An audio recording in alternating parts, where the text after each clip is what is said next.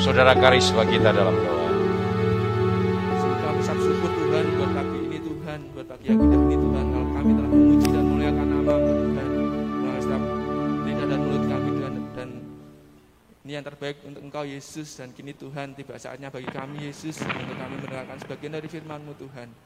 Kau persiapkan setiap hati kami dan pikiran kami Tuhan. Untuk kami uh, fokus dalam firman-Mu ini Tuhan.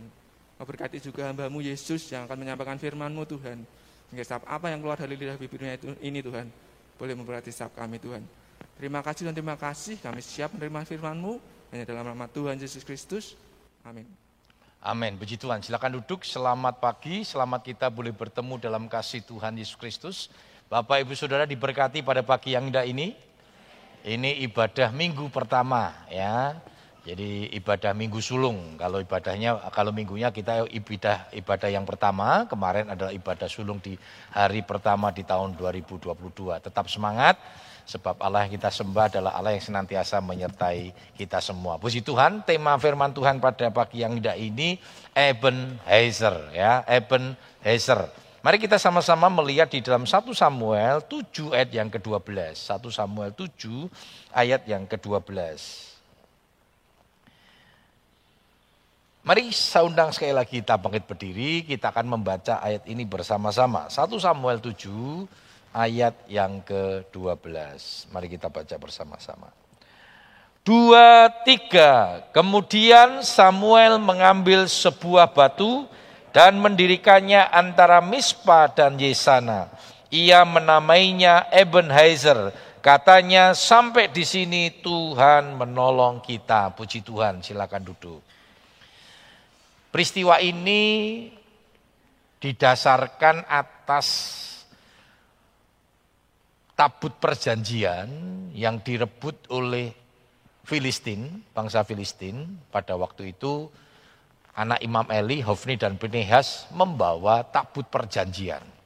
Nah saudara nggak boleh lupa tabut perjanjian ini adalah Sekina Glory di mana Tuhan hadir di tengah-tengah uh, umat Israel melalui tabut perjanjian. Dan itu nggak bisa seenak-enaknya membawa tabut perjanjian. Dan akhirnya Tuhan menghukum, bahkan Hofni dan Pinias meninggal dunia dalam peperangan itu.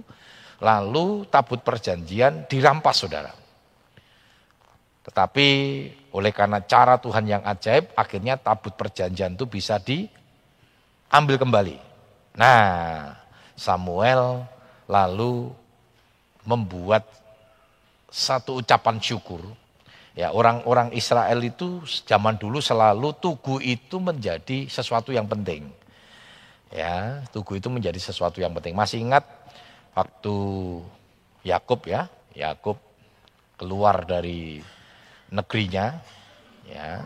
Lalu di tengah jalan dia tertidur, lalu dia melihat bagaimana Tuhan berjanji kepada Yakub dan akhirnya Yakub mendirikan tugu namanya Betel. Ya, rumah Tuhan. Nah, Saudara, Ebenezer ini artinya bukan sampai di sini Tuhan menolong kita. Nah, kalau kita lihat ayat ini kan sering kali kejebak Saudara ya.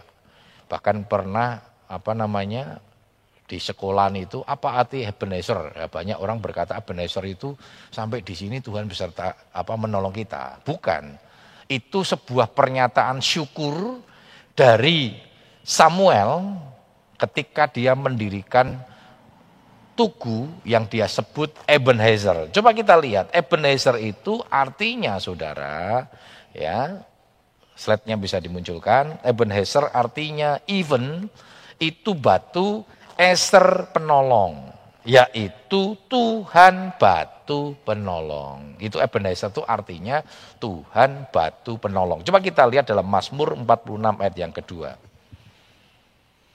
Mazmur 46 ayat yang kedua. Allah itu bagi kita tempat perlindungan dan kekuatan sebagai penolong dalam kesesakan sangat terbukti. Iya. Jadi Ebenezer itu artinya adalah batu pertolongan ya yang didirikan oleh Samuel, tetapi Samuel membuat sebuah pernyataan kenapa batu itu didirikan? Karena Samuel berkata, sampai di sini Tuhan sudah menolong kita. Nah, bukan berarti Ebenezer itu selesai di titik di mana batu peringatan itu didirikan tidak. Sebenarnya memiliki pengertian begini. Sampai di sini, sekarang ini Tuhan sudah tolong kita ini. Nah berarti kan kita sudah melewati masa lalu dan masa lalu itu kita melihat pertolongan Tuhan. Nah kalau masa lalu saja Tuhan sudah tolong, kita tidak boleh takut. Masa depan pun Tuhan akan menolong kita. Amin. Berapa banyak orang menggebu-gebu ketika bersaksi. Saudara, saya ditolong Tuhan begini, begini, begini. Itu kan bicara masa lalu, kesaksian itu kan. Nah, setelah kita menghadapi masa depan, dalam perjalanan masa depan kita menghadapi persoalan, ngelukro lagi. Lupa bahwa masa lalu kita sudah diberkati oleh Tuhan, ditolong oleh Tuhan. Maka percayalah saudara, bahwa Tuhan kita bukan Tuhan yang berubah, Tuhan kita Tuhan yang dahsyat, dia tidak pernah berubah. Kalau masa lalu Tuhan menolong kita, maka masa depan pun Tuhan menolong. Jadi jangan takut saudara. Kesaksian demi kesaksian yang kita alami itu meneguhkan kita. Kalau hari ini, sampai hari ini Tuhan menolong, maka kita tidak takut menghadapi hari esok. Karena Allah kita, Allah yang sama, akan menolong kita. Amin. Kalau kita bisa melewati tahun 2021, saat ini kita ada di penghujung, eh, di oh sorry, di awal tahun 2022, baru dua hari kita melangkah, itu pun belum genep saudara ya. Jangan takut apa akan kita hadapi di tahun 2022 karena masa lalu kita sudah bisa hadapi berarti masa depan kita akan hadapi bersama dengan Tuhan. Nah saudara pengertian Ebenezer atau Tuhan batu pertolongan itu yang pertama ya. Jadi Ebenezer itu memiliki pengertian Tuhan pertolongan itu apa saudara? Kenapa Tuhan itu menjadi pertolongan kita, dia menjadi kekuatan kita dan sumber pertolongan yang satu-satunya sumber pertolongan yang tidak pernah mengecewakan kita. Yang pertama, pengertian Ebenezer itu Tuhan maha besar. Ya, kata maha itu artinya tidak ada batasnya. Tidak memiliki keterbatasan di dalam kebesaran Tuhan. Coba kita lihat dalam Mazmur 96 ayat yang keempat. Mazmur 96 ayat yang keempat. Sebab Tuhan maha besar dan terpuji sangat. Ia lebih dahsyat daripada segala Allah. Iya. Besarlah Tuhan yang dia patut dipuji. Allah kita Allah yang besar sudah.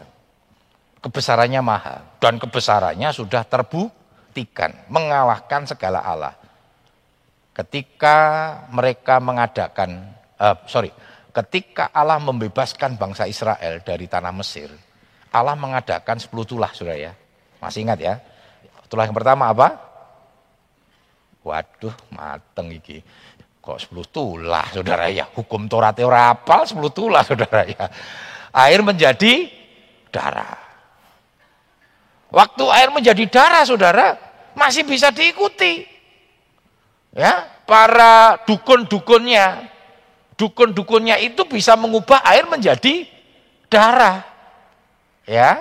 Tapi pertanyaannya, dukun-dukun Mesir tidak bisa mengembalikan lagi darah yang menjadi air lagi sudah. Jadi keterbatasannya terbatas sudah. Masih ingat waktu mereka datang ya, tongkat Musa itu sudah ya, dilemparkan. Lalu mereka bisa juga sudah jadi ular. Wah mereka ketawa. Elah mengono aku ya iso. Wah mereka juga lemparkan ular sudah. Ah lemparkan ular lemparkan tongkat.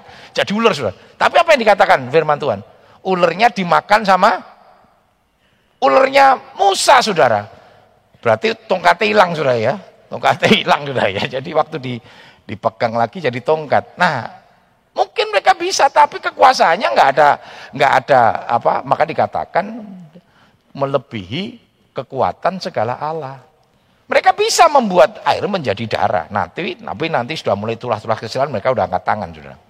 Mereka bisa membuat air menjadi darah, tetapi mereka tidak bisa mengembalikan darah itu kembali kepada air. Makanya kan Firaun memanggil Musa ya.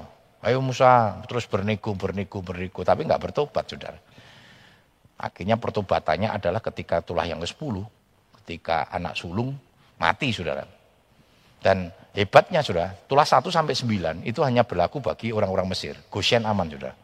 Tapi untuk tulah yang ke-10 itu berlaku untuk semua kota yang ada di Mesir. Makanya di Goshen pun saudara, diberikan solusi oleh Tuhan. Karena ini mau bicara tentang proses penyelamatan yang Tuhan akan kerjakan melalui salib, saudara. Jadi disimpan tanggal 10, tanggal 4 mereka potong, saudara. Wah ini kalau bicara tabernakel, saudara, peta zaman, 4, 4 hari ini bicara satu hari seribu tahunnya Tuhan ya Petrus katakan. Berarti ada masa 4000 tahun. Nah Tuhan Yesus baru dinyatakan setelah 4000 tahun. Saudara. Ini kalau bicara tabernakel, nanti kita lain waktu kita akan membahas, membahas saudara. Tapi kalau khotbah tabernakelnya disampaikan dalam konteks ibadah, saudara, waduh mungkin saudara bisa tidur, saudara ya. Wah, peta saman dan sebagainya. Tapi itu pelajaran Alkitab dan satu kali saya akan sampaikan walaupun tidak dalam konteks bentuk pelajaran, sudah supaya kita bisa mengerti. Ya banyak anak-anak sekarang tidak pernah mengerti peta zaman, tidak tahu tabernakel, Nah, itu ditemukan oleh orang-orang Pantekosta sudah, Bapak Van Kessel dan sebagainya.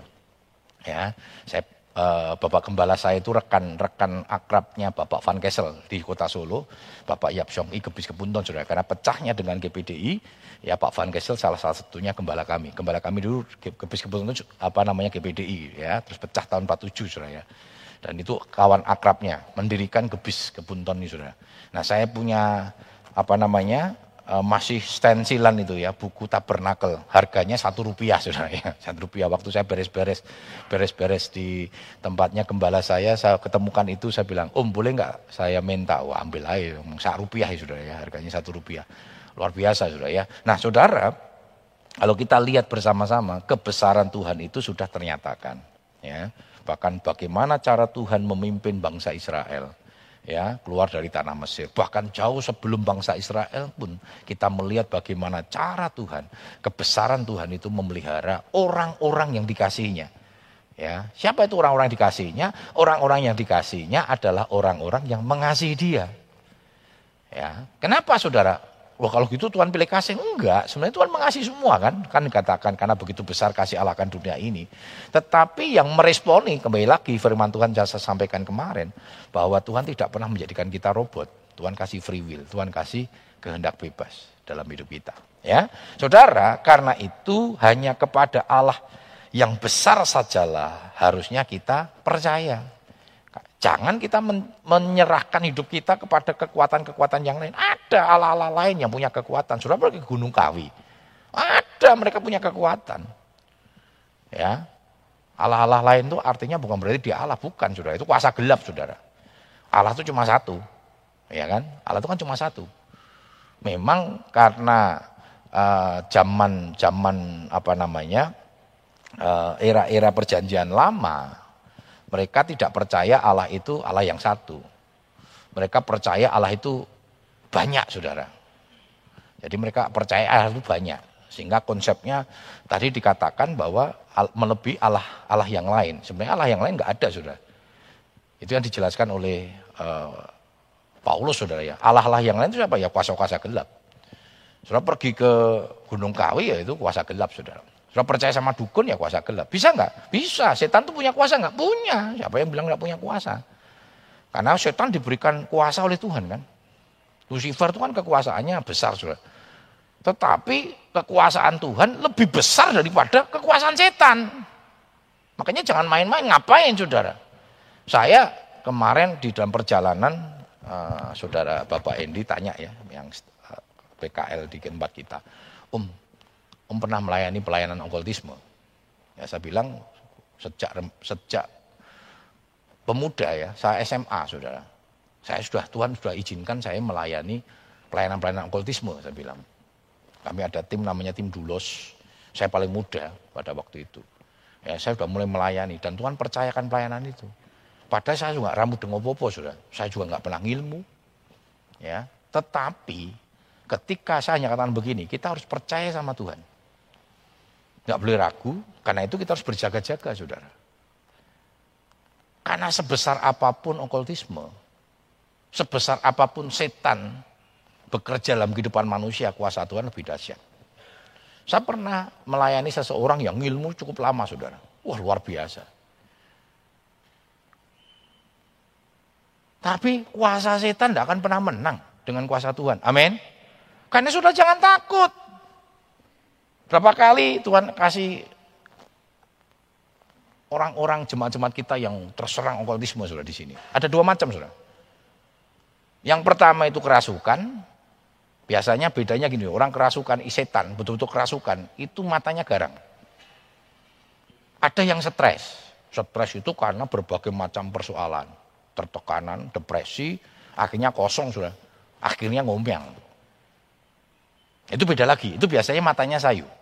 Tapi kalau kuasa gelap saudara, itu matanya garang. Ya pernah satu kali ada seorang yang bermain itu karena kebetulan dia main ke temennya, temennya itu punya patung, patungnya itu memang diisi saudara. Hati-hati saudara ya, jangan pernah bermain dengan kuasa gelap. Kuasa gelap tidak pernah mendatangkan damai sejahtera. Yang ada tuntutannya itu luar biasa. Setan tidak pernah ngasih free saudara. Selalu ada tumbal. Solo itu banyak permainan okultisme saudara. Banyak anak-anak kena tumbal. Kurang ajar kadang ya. Orang tua yang jaluk, anaknya jadi tumbal, sudah. Jangan lupa, sudah. Setan nggak pernah free. Dia pasti minta tumbal, sudah. Ya, jadi waktu itu main kerasukan di sini, saudara.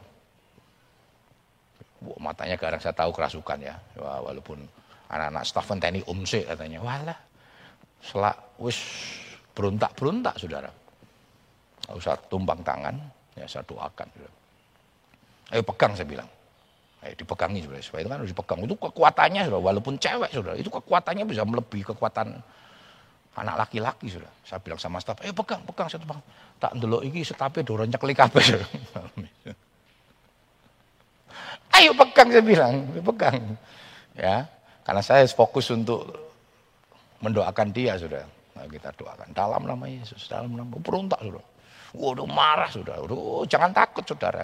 Dia akan ngancam-ngancam biasanya. Oh, mati kue wis ben waduh mati kue wedi melayu. Jangan Saudara. Karena kuasa Tuhan lebih besar daripada kuasa kuasa lain. Jangan takut tuh ngancam biasa. Setan kan senengnya ngancam-ngancam sudah. Terus mantangan. Ya. Sampai akhirnya apa namanya? Dia mulai mencoba mencari hati kepada pacarnya Saudara. Lalu dia pacarnya bilang, "Oh, sakit sakit gitu. Pacarnya ngomong gini, om jangan om kasihan. Gue metu saya bilang. Gue tak ke, gue pacarmu kerasukan meneh loh saya bilang. Ya. Kalau kamu nggak tega, kalau mau keluar ini saya ngomong tuh pacarmu saya bilang. Tenang aja. Kamu keluar aja deh saya bilang. Kalau nggak tega keluar aja. Ya harus tuntas saudara, tuntas. Ya kita doakan dan akhirnya dilepaskan. Saya bilang jangan main-main dengan kuasa gelap. Jangan main-main dengan kuasa gelap. Kami pernah jemaat main-main dengan jalangkung sudah. Wong jalangkung kan datang tidak diundang, pulang nggak diantar. Silakan gitu saudara. Siapa yang bilang nggak diundang, saudara ngundang jalangkung Wong Kristen kok dolanan jalangkung. Dinggu seneng-senengan. Oh, jangan main-main sama setan. Gue seneng-senengan apa? Kelebon tenan saudara. Betul kemasukan saudara. Ya, jadi satu keluarga mainan jalangkung. Waktu saya masih di Solo saudara. Sudah tendang dalam nama Yesus sudah. Buyar kabeh sudah. Neng setan ini tidak mau keluar. Wong dia bilang kok Datang nggak diundang, pulang nggak diantar. Dia ragelem, ragelem mulai saudara. Wadah yang disuruh pulang saudara, tulisannya saya mau darah saudara. Loh yuk jangan main-main dengan setan saudara. Dikei darah pitik saudara. Ngapusi, iki pitik, aku gelemi menungso. Wah saudara darah sopo saudara. Mau hati-hati dengan kuasa gelap. Ya, manusia itu sering kali gitu. Wis ono Tuhan loh dolanan kuasa gelap. Sing repot kan gembalanya saudara. Wah itu setannya nggak keluar. Anak pertama yang main anaknya, anaknya keluar, masuk ke ibunya cukup lama sudah, hampir seminggu sudah. Nggak keluar keluar, oh kita layani terus saudara. Jangan takut karena kuasa Tuhan itu lebih dahsyat daripada kuasa kegelapan saudara. Ya, Mari kita sama-sama melihat di dalam ulangan 10 ayat 20 hingga 21. Ulangan 10 ayat 20 dan 21. Engkau harus takut akan Tuhan Allahmu Kepadanya haruslah engkau beribadah dan berpaut, dan demi namanya haruslah engkau bersumpah. Dialah pokok puji pujianmu dan dialah Allahmu yang telah melakukan di antaramu perbuatan-perbuatan yang besar dan dahsyat yang telah kau lihat dengan matamu sendiri. Perhatikan saudara, dialah pokok puji-pujian kita. Hanya kepada Tuhan kita menyembah. Amin. Amin. Jangan nanti ngomong, Om, percaya ora percaya ya Om. Ora percaya. Jangan ngomong gitu Saudara, berarti sudah percaya itu. Ada enggak kuasa gelap? Ada. Bisa nggak dia buat sesuatu yang membuat kita terkagum? Bisa. Ngapain terkagum sama kuasa-kuasa kegelapan? Wong kuasa Tuhan bisa lakukan dan lebih dari itu. Amin. Jadi jangan pernah main-main ya. Cuma-cuma di tempat ini jangan pernah main-main saudara. Saya sudah banyak melayani orang-orang yang main-main sama setan saudara. Dan itu tidak pernah mendatangkan damai sejahtera. Yang ada cilaka besar. Saya pernah saksikan kemarin tuh beberapa waktu yang lalu. Ada keluarga senangannya main dukun saudara. Ibu seneng dukun, anaknya ya main dukun. Kenapa? Karena kita senang main dukun, kita ngajari anak-anak kita. Nek ono opo-opo golek dukun. Jangan heran anak-anaknya ikut tenardani kita nek wong tua nih seneng opo-opo didik dukun. Opo didik cari suhu. Suhu kita Yesus Kristus. Amin. Suhu di atas segala suhu, aja golek suhu menungso. Mangane padha mbek dhewe ya sego ya iso mati, ah, kok dipercaya. Kemarin si Andy sempat ngomong, om kami jemaat ada yang indigo om. Alah, saya bilang. Kan kita nggak tahu. Ya kan? Terus bilang hati-hati nanti kalau dia ngomong sama kita, om di sana ada yang jalan om. Nah, terus kita percaya, sisuk ngomong meneh, om di belakangnya, om ono sing sing anu om, sing jogo katanya. Oh sing jogo Gusti Yesus. Saya bilang nggak usah percaya dengan begitu. Percaya bahwa penjaga kita tidak pernah terlelap, tidak pernah tidur. Siapa itu? Tuhan Yesus. Mau kita punya kok saudara. Nggak usah takut. Dan jangan pernah main-main dengan kuasa-kuasa itu. Mari kita hadapi tahun 2022. Yesus cukup, amin. Cukup sudah ngapain cari-cari kekuatan yang lain. Yesus terlalu sanggup memelihara kita. Karena dia maha besar. Yang kedua, kata Ebenezer, itu memiliki, memiliki pengertian Tuhan maha besar. Yang kedua, Tuhan pemelihara. No, firman Tuhan mengingatkan kita kembali, meneguhkan kita kembali tentang pemeliharaan. Di bulan Desember kemarin, berapa kali firman Tuhan datang sama kita tentang Allah itu memelihara, memproteksi kita, jangan takut kita menghadapi hari-hari ini. Tahun baru ini, di tahun di, hari-hari yang aw, di awal ini, minggu-minggu awal ini, firman Tuhan datang kepada kita kembali. Tuhan pemelihara. Ebenezer artinya Tuhan memelihara. Karena itu jangan pernah takut. Ya, mari kita lihat dalam 2 Tawarik 6 ayat yang ke-14. 2 Tawarik 6 ayat yang ke-14 sambil berkata, "Ya Tuhan Allah Israel, tidak ada Allah seperti Engkau di langit dan di bumi. Engkau yang memelihara perjanjian dan kasih setia kepada hamba-hambamu yang dengan segenap hatinya hidup di hadapanmu." Perhatikan saudara, Tuhan memelihara kepada orang-orang yang segenap hati hidup kepadanya. Jangan nuntut dan berkata Tuhan gak pelihara buktinya. Nah pertanyaannya saudara mencintai Tuhan segenap hati enggak? Tuhan memelihara janjinya saudara dan janjinya terlampau banyak. Satu janji aja sebenarnya cukup saudara. Ebenezer ini aja udah cukup, betul nggak saudara? Saudara pelihara dengan satu janji Tuhan Ebenezer itu sudah cukup. Tapi Allah kita dahsyat sudah enggak cuma Ebenezer, Immanuel. Oh, luar biasa sudah. Apa sih yang kurangnya? Janji Allah itu luar biasa dan janji Allah itu ya dan amin. Bukan sekedar lip sync, lamis yang hanya di bibir saja, sudah enggak. Allah kita bukan kita yang sering kali lamis, saudara. Allah kita Allah yang luar biasa dan dia selalu memelihara janjinya. Janji Tuhan kan digenapi. Kejadian 3.15 waktu Adam dan Hawa kan digenapi di dalam Yesus Kristus. Dan setiap perjalanan dalam sejarah manusia kan Allah memelihara janjinya. Waktu dia berkata kepada Adam keturunan makan seperti bintang di langit dan pasir di laut saudara. Di pantai. Tuhan buktikan itu. Walaupun secara manusia kelihatannya tidak mungkin. Wis tuaran dua anak Lalu Sarah berpikir, oh mungkin tidak harus anak dari saya. Dia kasih Hagar, saudara. Memang secara hukum, budak, saudara, seorang budak ketika punya anak, anaknya itu menjadi anak Tuhannya. Istrinya Yakub kan empat, saudara. Yang dua itu budak. Dan itu menjadi anaknya Yakub secara hukum. Tapi Tuhan enggak, bukan. Aku enggak mau dari Hagar. Aku mau dari Sarah. Makanya waktu dikasih tahu dia akan mengandung ketawa kan dia. Uh, wis sudah mati head. Ya, jadi sudah enggak mungkin kan. Mandul lagi. Jadi Sarah ini kan mati head mandul. Enggak mungkin. Tapi waktu Tuhan berkata, mungkin ya mungkin sudah. Dan terbukti kan. Terbukti. Jadi Tuhan memelihara dengan janjinya. Karena itu jangan ketakut saudara. Ya, kita ini dipelihara oleh Tuhan. Amin. Dunia boleh bergelora, tetapi pemeliharaan Tuhan itu ya dan amin bagi kita. Saudara, Allah adalah pemelihara kita yang hebat karena dia tidak pernah meninggalkan. Luar biasa saudara ya. Allah tuh nggak pernah meninggalkan kita. Yang meninggalkan tuh Allah tuh kita saudara. Seringkali jangan salah saudara. Allah tinggalkan kita. Siapa? Nggak pernah. Allah tuh nggak pernah tinggalkan. Yang tinggalkan itu kita. Ketika saudara lebih memilih berbuat dosa, tidak mau nurut sama Tuhan, sama saja Bapak Ibu Saudara sedang mengambil sikap untuk meninggalkan Tuhan. Jadi Allah nggak pernah tinggalkan kita. Allah nggak akan tinggalkan. Makanya ketika Daud bertobat ya, dia kan bertobat berarti kan berbalik dari yang jahat kepada kebenaran lagi. Dia balik lagi dan dia dipulihkan oleh Tuhan. Ingat anak bungsu, anak sulung, anak bungsu yang tinggalkan Tuhan.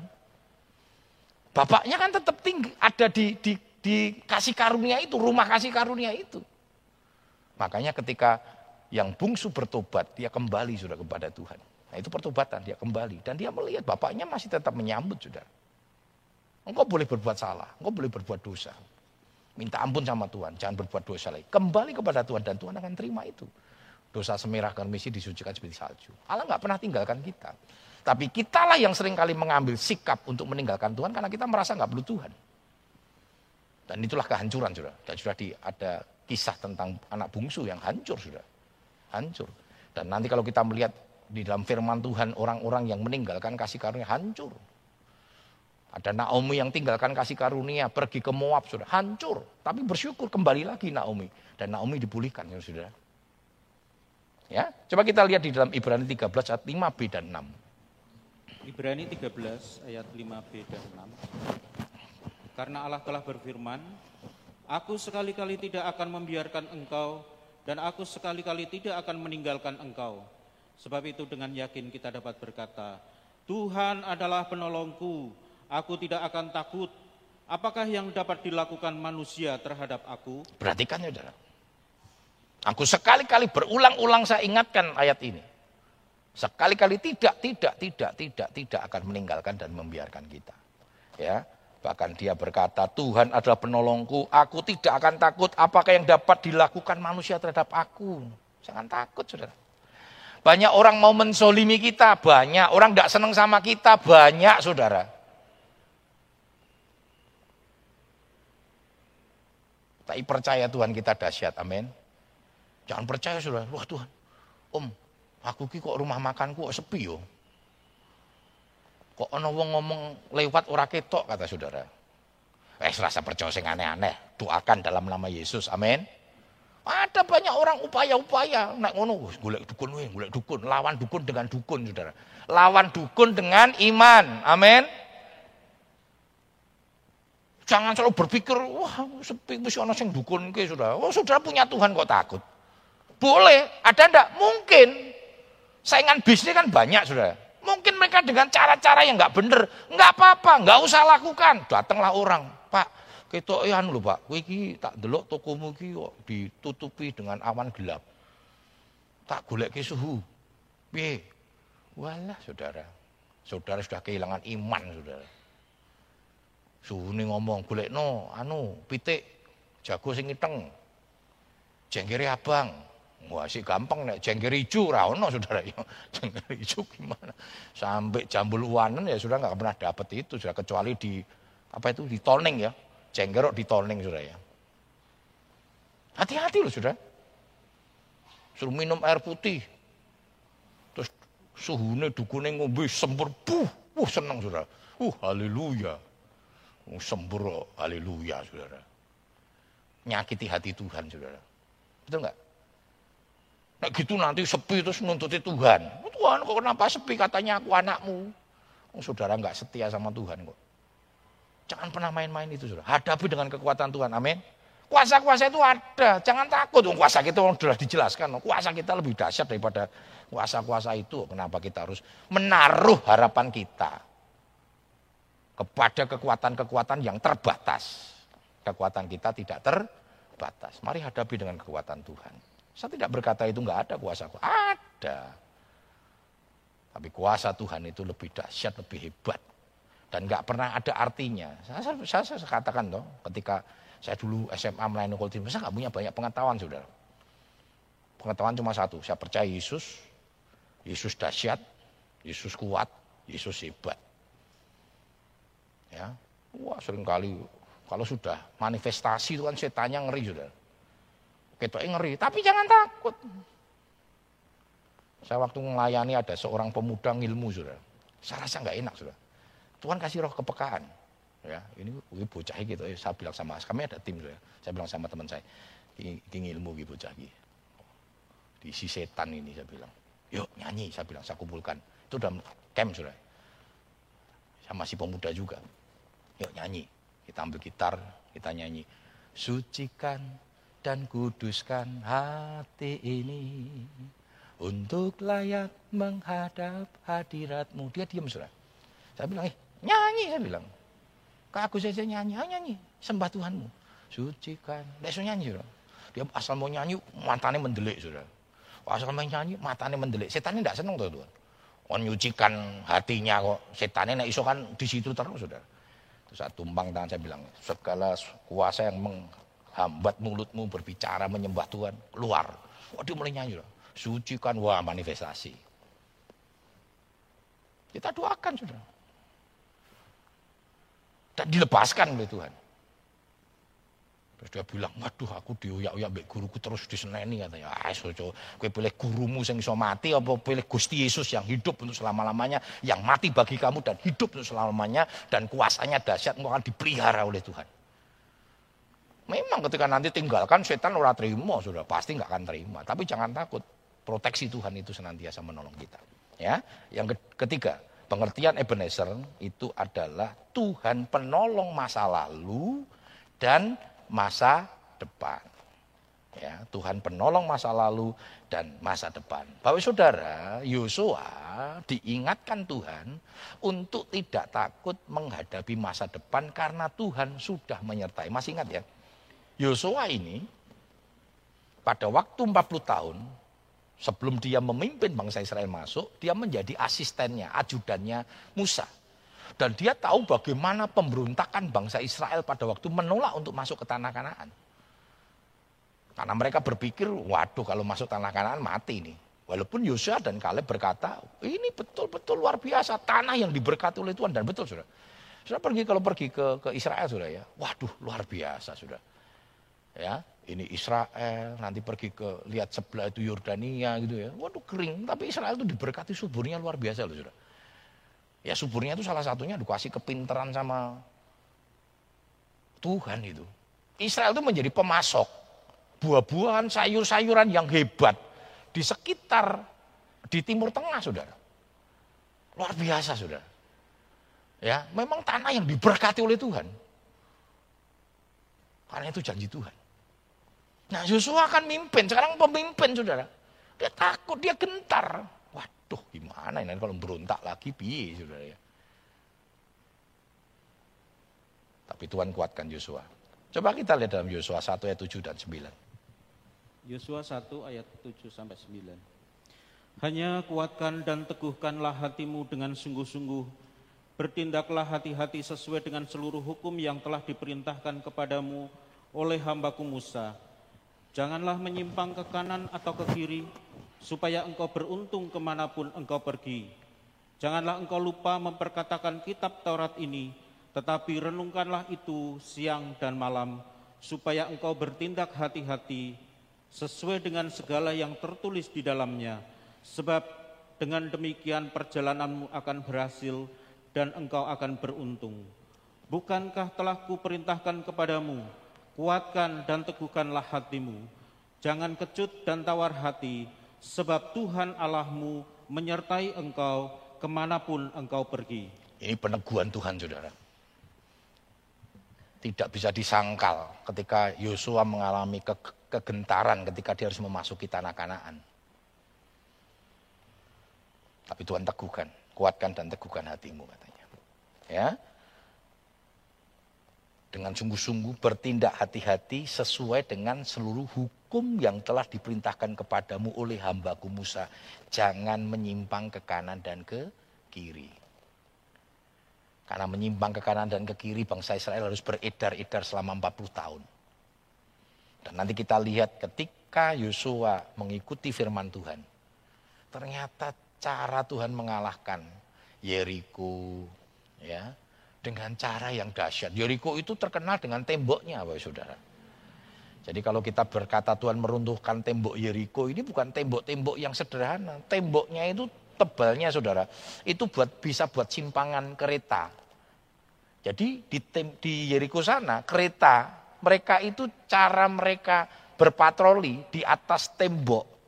Lebarnya tembok itu patroli kereta itu bisa untuk lewat, untuk jalan. Tebelnya luar biasa, sudah. Makanya jangan heran juga orang Israel kecut ya piye carane, wong mereka juga bukan orang yang bisa berperang. Pakai apa? Dipanai yo percuma, Saudara. Digempur nganggo palu yo ora iso. Piye caranya, Saudara? Tapi cara Tuhan luar biasa, berkeliling ya. Berkeliling aja. Sehari sekali. Mungkin waktu bangsa Israel datang berduyun-duyun bawa tabut perjanjian itu, orang-orang Yeriko sudah siap-siap dengan panah, dengan tebing, siap-siap, siap-siap, dia ada mau nyerang gitu. Tapi waktu mereka nggak nyerang cuma keliling tok, saudara. Mereka kaget, ini ngopo ini ya. Hari kedua sama keliling meneh, lama-lama mereka ketawa-tawa sudah. Diejek lah mereka. Ya, seperti naik bulan suro sudah ya. Bulan suro itu Mangkunegaran nggak tahu apakah melu-melu Yeriko saya nggak tahu sudah ya. Di Mangkunegaran itu kalau bulan Suro keliling itu tujuh kali sudah ya. Di Mangkunegarannya sudah ya, itu bulan Suro sudah. Keliling sudah. Ya, wah mereka sudah ah habis malah guyon ya, di, diecek di ini. Tapi Tuhan katakan apa? Nggak boleh ngomong. Nggak gampang sudah. Ya, nggak gampang itu. Saudara-saudara sing cerewet, sing wah ngobrol kon meneng paling angel sudah. Ya, paling sulit saudara diem, orang untuk ngomong. Meh ngomong, meh ngajak cerita. mungkin, tapi dari untuk ngomong sudah mungkin itu. Tapi ada sudah. Orang Israel tak ada waktu itu. Bayangin. Betul, betul. Pada hari ketujuh, tujuh kali. Dan setelah tujuh kali mereka bersorak-sorak. Uh, ambruk ya saudara.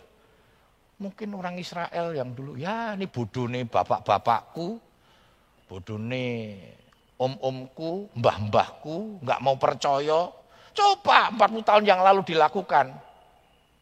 Nggak perlu keliling-keliling beredar-edar 40 tahun sudah. Nah itulah firman Tuhan. Seringkali kan kesalahan kita, kita nggak percaya. Gara-gara kita nggak percaya, nggak melakukan firman Tuhan, kita harus mengalami hambatan. Hambatan Tuhan nggak pernah buat, sudah. Hanya kita yang sering kali. Ya, saudara, Tuhan mempersiapkan masa depan yang penuh harapan bagi orang percaya. Yeremia 29 yang ke-11.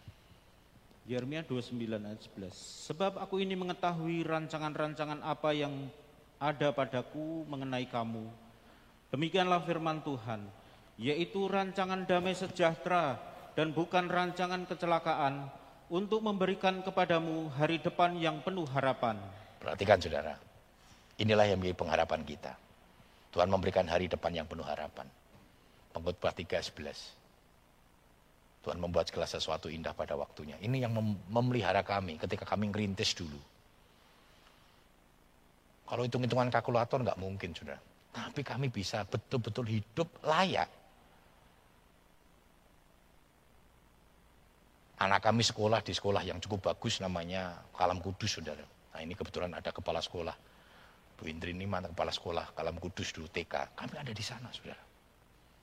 Dipelihara oleh Tuhan. Dan itu sekolah yang bukan murah, saudara. Tapi Tuhan pelihara, saudara. Dengan cara yang luar biasa. Dan perintisan kami, kami dipelihara oleh Tuhan. Kami bukan orang-orang yang hidupnya kelihatan. Walaupun kami hidup kalau dihitung-hitung, saudara. Ya uangnya pas. Tapi saya pegang janji Tuhan apa? Firman Tuhan kan ngomong, kita akan diberkati Tuhan dalam kelimpahan. Kata kelimpahan ini artinya saudara, bukan dijoke terus sampai luber-luber enggak. Tetapi kata kelimpahan itu artinya berkat stok berkat kita di surga itu melimpah-limpah. Jadi jangan takut sudah. Walaupun Tuhan katakan apa, dia curahkan secara berkecukupan, betul nggak? Nah cukupnya kan beda-beda. Cukupnya saya sekarang dengan cukupnya saya pada waktu di Solo berbeda. Cukupnya Bapak Saudara dengan yang lain berbeda-beda. Seperti talenta. Ada yang dipercaya lima, ada yang dipercaya dua, ada yang dipercaya satu. Kuncinya cuma satu sudah. Ketika dipercaya kecil, kerjakan dengan sungguh-sungguh, maka Tuhan akan mempercayakan tanggung jawab yang lebih besar. Cilik ora tau dopeni, kayak ibit ontel ora tau diopeni, Gimana mau minta motor? Bagaimana kalau mau minta mobil? Setia dulu sudah. Saya belajar setia sudah. Saya punya sepeda ontel dulu tak openi. Tuhan kasih saya motor V75 ya Yamaha tak openi. Mundak meneh V80 di openi. CL Pro ya di openi. Sampai sekarang masih ada sudah ya bahkan Vespanya papa mertua ya sampai sekarang masih ada sudah diopeni dengan baik supaya itu menjadi saksi bahwa saya bisa sampai hari ini karena jasa-jasa mereka sudah bahkan waktu saya melayani di kota Solo tahu openi dengan baik setia Kemarin ada staf yang tanya, Om gimana Om proses? Pokoknya layani aja. Hari-hari itu mikirnya cuma bagaimana mengembangkan pekerjaan Tuhan minta hikmat sama Tuhan, Tuhan berikan hikmat kepadamu, berikan kesempatan bagi saya untuk saya ketemu dengan orang, saya bisa beritakan Injil. Setia, sudah. Sudah pekerjaannya begitu, sudah. Wah, saya ini kon agak dari bakul gorengan, setia saja, layani dengan baik, sudah. Ojo ngrutu ngeluh, walah, enak kono sing kaya apa aja, Popeye, apalagi sudah ya. Macam-macam sudah ya. Wah, Frank yang apa namanya, fried chicken, Ah, saudara rasa ngurus fried chicken, saudara. Uruslah gorengan, diurus dengan baik, didoakan, pasti diberkati oleh Tuhan. Amin. Amin. Ini kepercayaan yang Tuhan kasih. Bersyukur masih kita bisa punya punya pekerjaan, saudara. Seringkali kenapa, saudara? Karena kita nggak pernah mensyukuri apa yang Tuhan percayakan dalam hidup kita. Waktu saya kerja, saya syukuri, ya, saudara. Syukuri. Dan Tuhan percayakan itu. Tanggung jawab yang lebih besar. Mari kita hadapi 2022. Ada Ebenezer. Ya. Firman Tuhan tadi katakan apa? Kita dipelihara oleh janji Tuhan. Ebenezer saja sudah, sudah cukup sebenarnya. Untuk kita melewati tahun-tahun yang ada di depan kita. Tapi nggak cuma Ebenezer kan. Ada Immanuel, ada banyak lagi saudara. Janji-janji Tuhan. Dia tidak akan pernah meninggalkan, membiarkan engkau. Oh luar biasa saudara. Dia menjanjikan kita hari depan yang penuh dengan harapan. Apa yang membuat kita takut? Mari kita hadapi tahun 2022 dengan kekuatan yang datangnya dari Tuhan. Tak usah ku bimbang. Yesus peliharaku. Ada yang takut? Ada yang bimbang hari-hari ini? Ingat. Ebenezer. Kalau Tuhan sudah memberkati kita, kita bisa melewati masa lalu. Berarti masa depan Tuhan sedang mempersiapkan sesuatu yang lebih baik untuk hidup kita. Setia saja. Kuncinya di situ. Kasihlah Tuhan Allahmu dengan sungguh-sungguh dan setialah kepada Tuhan. Tak usah ku takut, Allah menjagaku. Bapak Yonatan bagi kita dalam doa. Bapak di dalam surga kami bersyukur Tuhan buat kebenaran firman-Mu pagi ini Tuhan. Firman-Mu yang telah meneguhkan kami, menguatkan kami untuk memasuki tahun 2022 Tuhan. Kami sungguh bangga mempunyai Allah Tuhan yang berkuasa, yang dahsyat, yang besar. Kami bersyukur Tuhan punya Tuhan yang terus menjadi penolong hidup kami, menjadi pemelihara kami yang sempurna Tuhan di dalam perjalanan hidup kami hari lepas hari yang akan kami lewati. Sungguh masa depan itu ada Tuhan, oleh sebab itu kami akan terus berseru kepada Tuhan, mencari Tuhan, menemukan Tuhan. Agar Tuhan terus merancangkan kebaikan di dalam hidup kami. Damai sejahtera di dalam hidup kami ya Tuhan. Kami bersyukur Tuhan. Dan kami mau berserah diri kepada Tuhan. Biarlah Tuhan tuntun langkah kami memasuki tahun 2022 ini ya Tuhan. Dengan pertolongan yang daripada Tuhan sendiri. Biarlah kami juga anak-anakmu hamba-hambamu, pelayan-pelayanmu terus menyerahkan hidup kami ke dalam tangan kuasa Tuhan. Hambamu sudah berhenti berbicara Tuhan. Biarlah roh kudusmu terus berbicara kepada kami jemaatmu, anak-anakmu Tuhan. Kami perlu rohmu Tuhan. Kami perlu kekuatan Tuhan. Hambamu engkau berkati Tuhan. Hari-hari yang akan datang, urapi terus dalam setiap pelayanan, dengan kuat kuasa roh kudusmu, memberi hikmat yang datangnya daripada Tuhan sendiri. Mampukan untuk membuka rahasia kebenaran firmanmu, sehingga kami jemaatmu terus diteguhkan lewat kebenaran firman Tuhan yang disampaikan oleh hambamu ya Tuhan. Kami percaya kami mau berjalan bersama dengan Tuhan. Di dalam nama Tuhan Yesus kami berdoa dan mengucap syukur. Amin.